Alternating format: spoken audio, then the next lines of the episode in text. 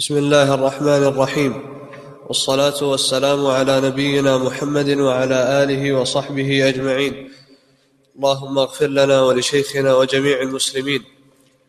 قال الشيخ حافظ حكم رحمه الله طبقة أخرى وقال المزني في عقيدته الحمد لله أحق ما بدي وأولى من شكر وعليه أثري. الواحد الصمد ليس له صاحبة ولا ولد. جل عن المثل فلا شبيه له ولا عديل. السميع البصير العليم الخبير المنيع الرفيع عال على عرشه فهو دان بعلمه من خلقه والقرآن كلام الله ومن الله ليس بمخلوق فيبيد. وقدرة الله ونعته وصفاته كلمات غير مخلوقات. عندك كلمات؟ كلمات؟ نعم. خطأ. عدلها. وقدرة الله ونعته وصفاته كاملات. هكذا في شرح السنة المزني. كاملات غير مخلوقات. يعني ما له معنى. قال إن قدرة الله كلمة. كلمات غير مخلوقات. وإنما قدرة الله ونعته وصفاته كاملات غير مخلوقات. نعم. وقدرة الله ونعته وصفاته كاملات غير مخلوقات. دائمات الأزليات. ليست محدثات فتبيد. ولا كان ربنا ناقصا فيزيد جلت صفاته عن شبه المخلوقين عال على عرشه بائن من خلقه. وذكر ذلك المعتقد وقال لا يصح لأحد توحيد حتى يعلم أن الله على عرشه بصفاته. قلت مثل أي شيء؟ قال سميع بصير عليم قدير. رواه ابن مندة. المزني رحمه الله تعالى من أخص تلامذة الشافعي رحمه الله الجميع وله خبر فيه عبرة لطالب العلم وفي فائدة. لما جاء الشافعي رحمه الله تعالى العراق أتاه المزني فصار يطرح عليه أسئلة من أسئلة المتكلمين. فسأل الشافعي المزني عن مسألة في الطهارة فأجاب فقال الشافعي أخطأت. قال ثم فرعها. فرعا ثانيا فأجبت فقال أخطأت. ثم ثالثا فقال أخطأت. ثم رابعا فقال أخطأت. ثم قال الشافعي المزني. شيء تحتاجه في يومك خمس مرات. لا تعرفه وتسأل عن مثل هذا. يعني كانت مسائل تطرح من قبل متكلمين يخوضون في أمور من الغيب ونحوه على طريقة أهل التكلف من المعتزلة ونحوهم فكانت شائعة. فسأل المزني الشافعية هذه الأسئلة. فالشافعي رحمه الله تعالى سأله عن أمور الطهارة التي يحتاجها ثم قال تترك هذا الشيء الذي أنت بحاجة إليه وتخوض في مثل هذه المسائل. فلزم المزني الشافعي رحمهما الله تعالى واختصر كتبه واختصر كتابه الأم في مختصره المشهور مختصر المزني. وصار بعد ذلك من أئمة السنة الكبار رحمة الله تعالى عليهم وفيه فائدة لطالب العلم أن لزوم شيوخ السنة هو الحق وأن على من يطلب العلم ويبحث عن الطريق المرضي لله عز وجل أن يبحث عن العلم عند أهل السنة. المزني كغيره كان في العراق لكن أو في مصر نسيت. الحاصل أنه بل في العراق. الحاصل أنه لما لزم الشافعية صار إماما من أئمة السنة الكبار وصنف هذا المصنف الموجز وهو شرح السنة. ذكر فيه العقيدة من استواء الله تعالى على عرشه عز وجل وأن القرآن كلامه غير مخلوق وأنه تبارك وتعالى يوصف بالصفات وتنزه هذه الصفات عن صفات المخلوقين. وهذا بفضل الله تعالى ثم بركة لزومه لهذا الإمام السني الكبير الإمام الشافعي. فصار رجلا من أهل السنة وإلا كان من غير كغيره ممن خاضوا في مثل هذه المسائل وهلكوا وماتوا لم يدرى بهم. لكن لزوم العلم الشرعي السليم وأخذه من أهله هو من أسباب كون الإنسان يوفق في أمر دنياه واخراه. نعم. وسئل محمد بن يحيى الذهلي رحمه الله تعالى عن حديث عبد الله بن معاوية عن النبي صلى الله عليه وسلم ليعلم العبد أن الله معه حيث كان فقال يريد أن الله علمه محيط بكل ما كان والله على العرش وقال أبو عبد الله محمد بن إسماعيل البخاري رحمه الله تعالى في آخر الجامع الصحيح في كتاب الرد على الجهمية. باب قول الله تعالى وكان عرشه على الماء قال أبو العالية استوى على عرشه ارتفع وقال مجاهد في استوى على على عرشه وقالت زينب أم المؤمنين رضي الله عنها زوجني الله من فوق سبع سماوات ثم إنه بوب رحمه الله تعالى على أكثر ما تنكره الجهمية من الصفات محتجا بالآيات والأحاديث. وقال أبو زرعة الرازي وسئل عن تفسير الرحمن على العرش استوى فغضب وقال تفسيره كما تقرأ هو على عرشه وعلمه في كل مكان. من قال من قال غير هذا فعليه لعنة الله. وقال عبد الرحمن بن أبي حاتم سألت أبي وأبا زرعة رحمهما الله تعالى عن مذهب أهل السنة والجماعة في أصول الدين وما أدرك عليه العلماء في الأمصار حجازا وعراقا ومصر وشاما ويمنا فكان من مذهبهم أن الله تبارك وتعالى على عرشه بائن من خلقه كما وصف نفسه بلا كيف أحاط بكل شيء علما.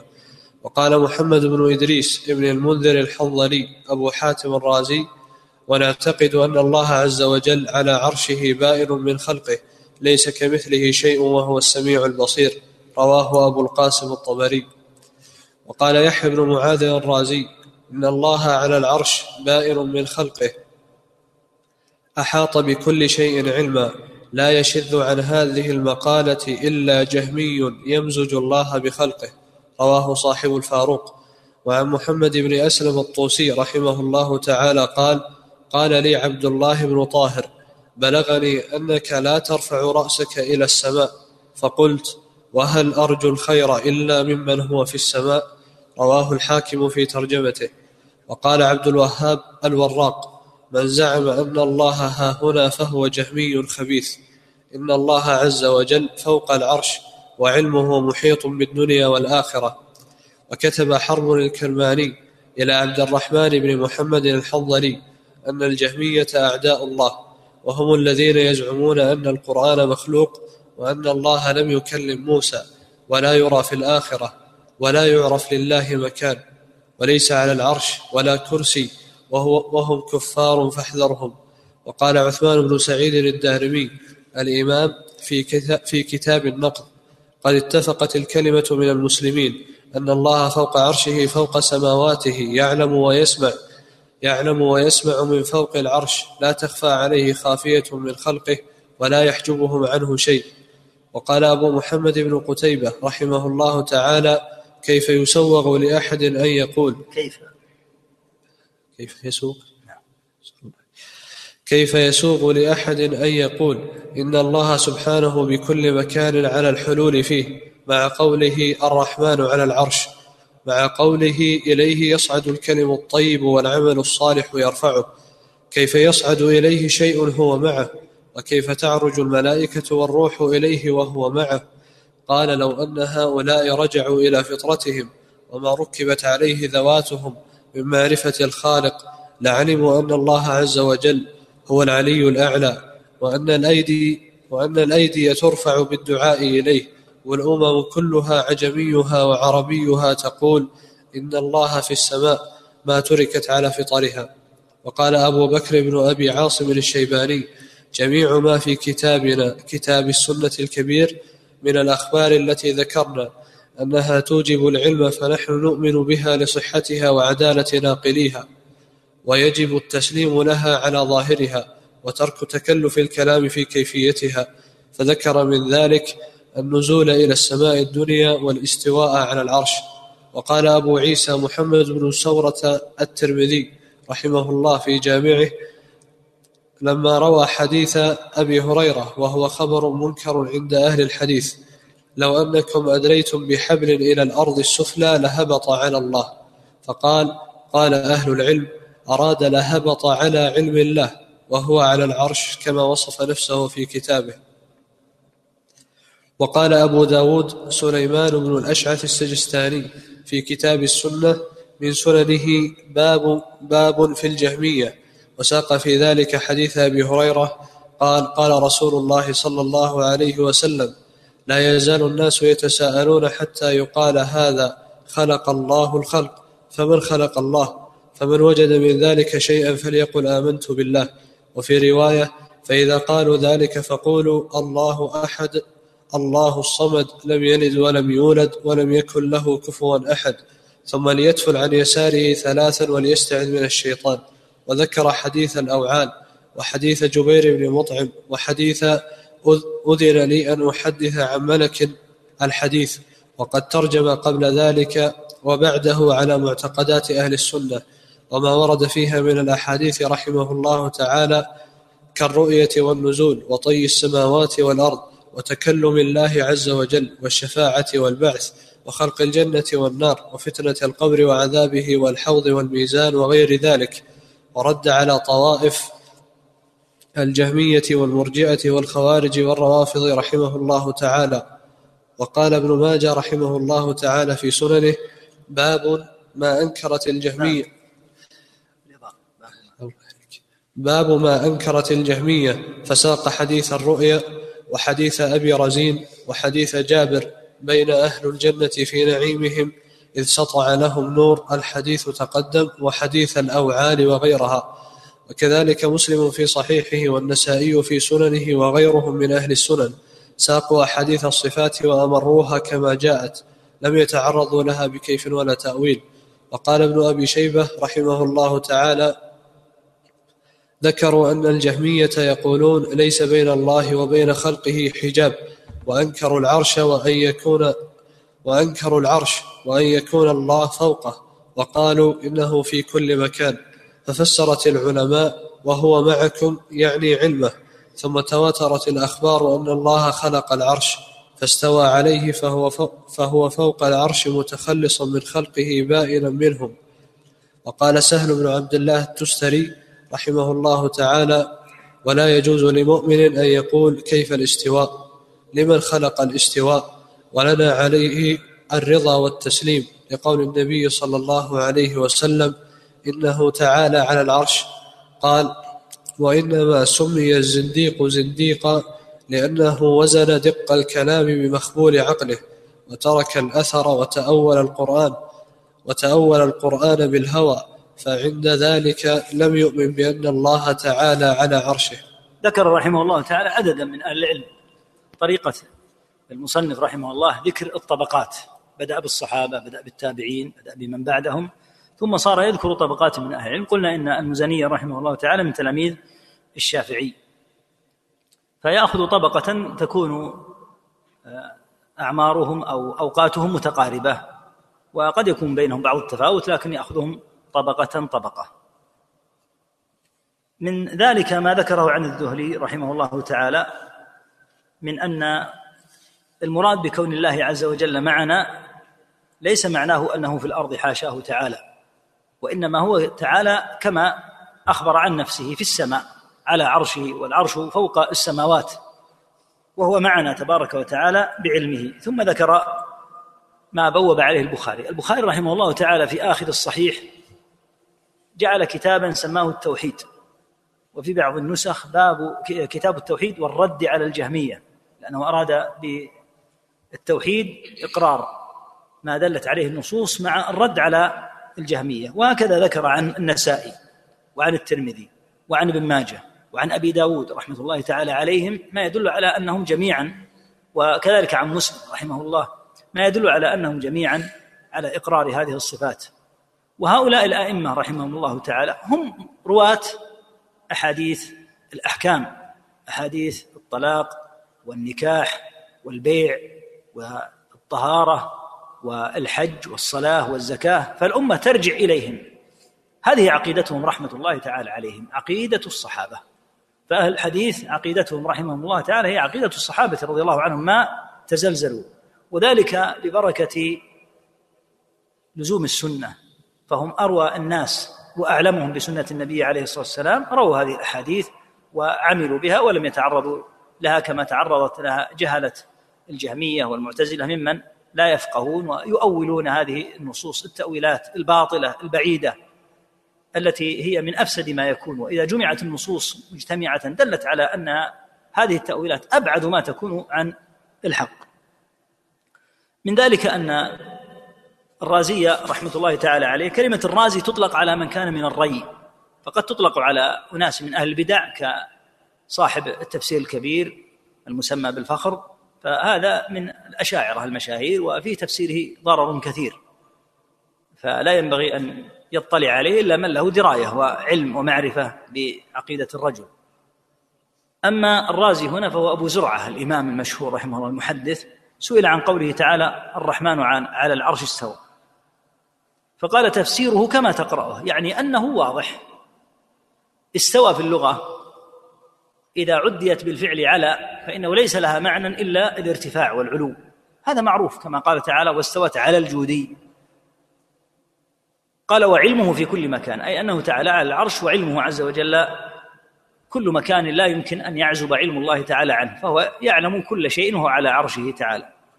قال من قال هذا غير هذا من قال غير هذا فعليه لعنة الله. وهكذا ما نقله عن أبيه.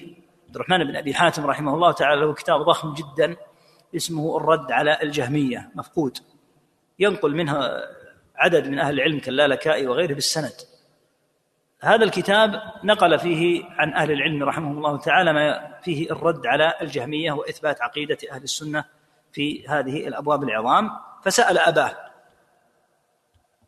أبو حاتم الرازي وسأل أبا زرعة كثيرا ما كان يسألهما رحمهم الله سواء عن الرجال أو عن هذه المسائل فذكر الاعتقاد على منهج أهل السنة رحمهم الله تعالى. ثم ذكر قول الوراق من زعم أن الله ها هنا يعني في الأرض فهو جهمي خبيث.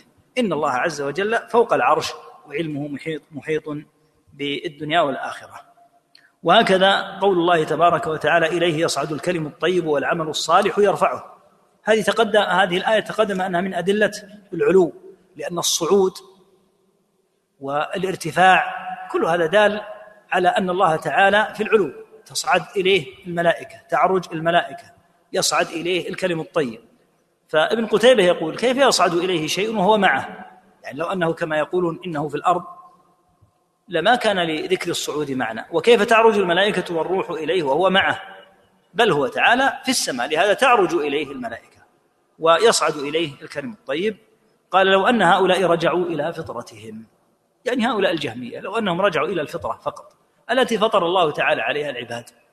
لسلموا وعلموا أن ما هم فيه باطل لأنهم قد خالفوا النصوص وخالفوا أيضا الفطر التي فطرهم الله تعالى عليها. ولهذا قال إن الأمم كلها العرب والعجم تقول إن الله في السماء قال ما تركت على فطرها.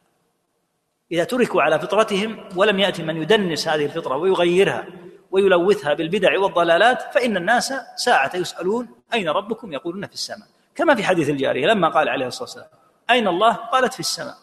هذه هي الفطرة التي فطر الله تعالى عليها الناس. ثم ذكر أن الترمذي رحمه الله تعالى روى حديث لو أنكم أدليتم بحبل إلى الأرض السفلى لهبط على الله وذكر أن الحديث منكر. قال مع ذلك وجهه أهل العلم أن المعنى لهبط على علمه تبارك وتعالى. وهكذا نقل عن عدد من أهل العلم رحمهم الله ممن ذكرنا ما يدل على إثباتهم لهذه العقيدة وأن مخالفة إثبات الصفات أنه فعل الجهمية واعتقادهم سواء المتقدمون منهم أو من لحقوهم. نعم. على من يكون من بلدة الري. الري ما يقال الري يقال الرازي. نعم.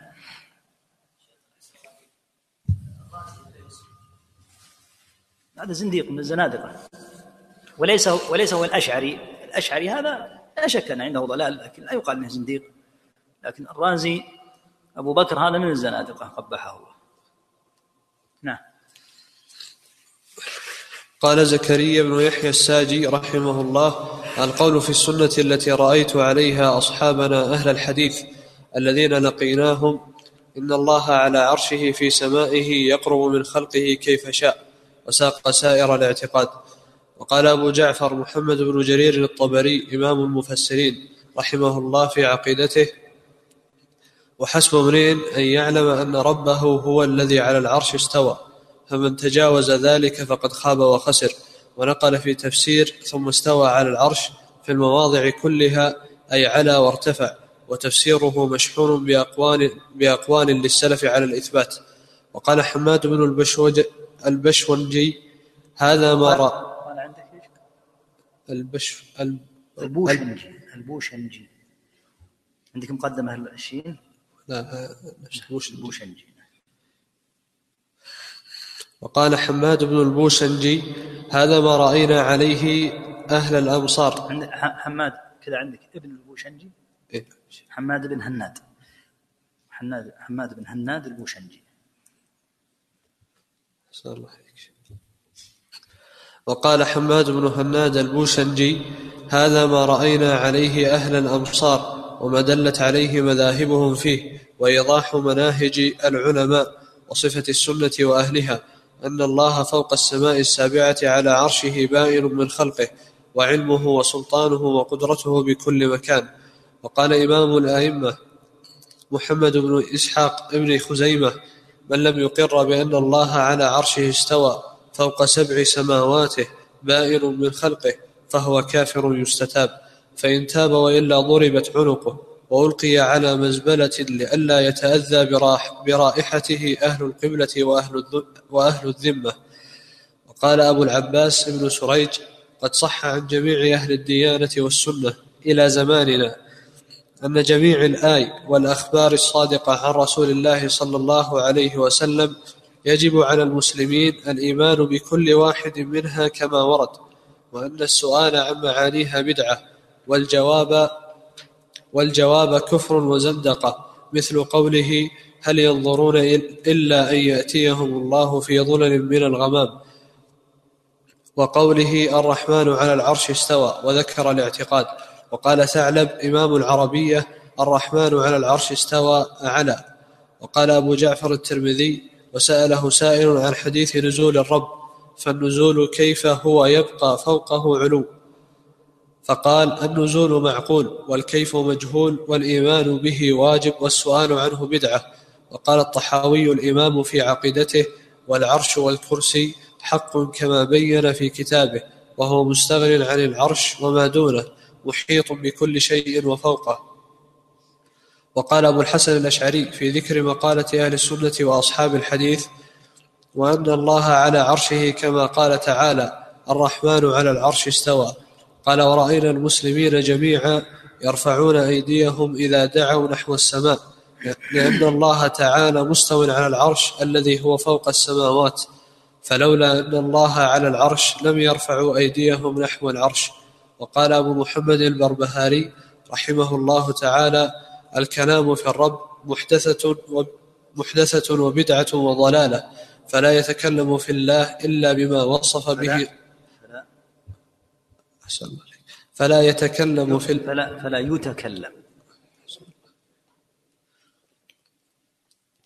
فلا يتكلم في الله إلا بما وصف به نفسه ولا نقول في صفاته لما ولا كيف يعلم السر وأخفى وعلى عرشه استوى وعلمه بكل مكان.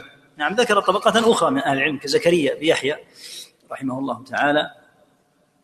فيه التصريح بأن الله تعالى على عرشه سبحانه وبحمده وأنه يقرب من خلقه كيف شاء. هو على العرش سبحانه قد استوى. يقرب من خلقه سبحانه وتعالى كي- كيف شاء وهو على عرشه. وهكذا الإمام من جرير المفسر المشهور. حسب امرئ يعني يكفي المرء أن يعلم أن ربه تعالى هو الذي على عرشه استوى وفسر الاستواء بالعلو. وكذا قول بوشنجي رحمه الله هذا ما رأينا ما رأينا عليه أهل الأمصار. وهذا حكاية إجماع. ما الذي أجمعوا عليه؟ أجمعوا على إقرار هذه الصفات وعلى أن الله تعالى فوق السماء السابعة. وأحمد آه الإمام ابن خزيمة رحمه الله تعالى كان قويا جدا في وقته وكان مسموع الكلمة مهيبا. فأفتى بأن من أبى إثبات أن الله تعالى على العرش فإن الأمر يصل معه إذا استتيب إلى حد أن يقتل. ابن سريج رحمه الله من أئمة الشافعية الكبار ذكر أن هذا الأمر المتعلق بالتوحيد صفات الله تبارك وتعالى أن هذا ليس موضع أسئلة العابثين وخوض الخائضين بل هذه المسائل يجب الإيمان بها كما وردت في نصوص الكتاب العزيز جلية المعنى واضحة فالسؤال عن معانيها بمعنى عن كيفياتها لا عن المعنى كثيرا ما يعبر السلف بنفي المعنى. مع أنهم يفسرون المعنى. المقصود هنا ليس بيان المفردة نفسها يعني ما المراد بقوله استوى. هذا لابد أن يبين لأنه مفردة قرآنية ولهذا قال مالك رحمه الله الاستواء معلوم يعني معلوم معناه وإنما المقصود الخوض في كيفية المعنى. كثيرا ما يعبرون به والمراد به الكيفيات. قال السؤال عن معانيها بدعة؟ والجواب كفر وزندقة. لأنك لو قلت إن الله تعالى كيفية استوائه أو كيفية مجيئه هكذا ووضعت كيفية فإن هذا ضرب من ضروب آه، التعدي على مقام رب العالمين سبحانه وتعالى.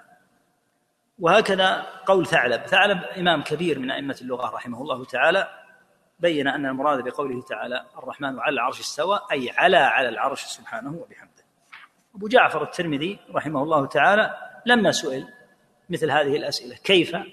قال النزول معقول معقول؟ يعني معلوم مفهوم المعنى. والكيف مجهول وهذا مثل ما قلنا انه من جهة المعنى ليس هناك إشكال أن تسأل عن المعنى ولهذا يفسر المعنى أيضا إلى لغات أخرى ويبين لأنه محكم المعنى محكم. واضح جلي. لكن الكيف هو الذي لم تحيط به لأن الله تعالى يقول يعلم ما بين أيديهم وما خلفهم ولا يحيطون به علما.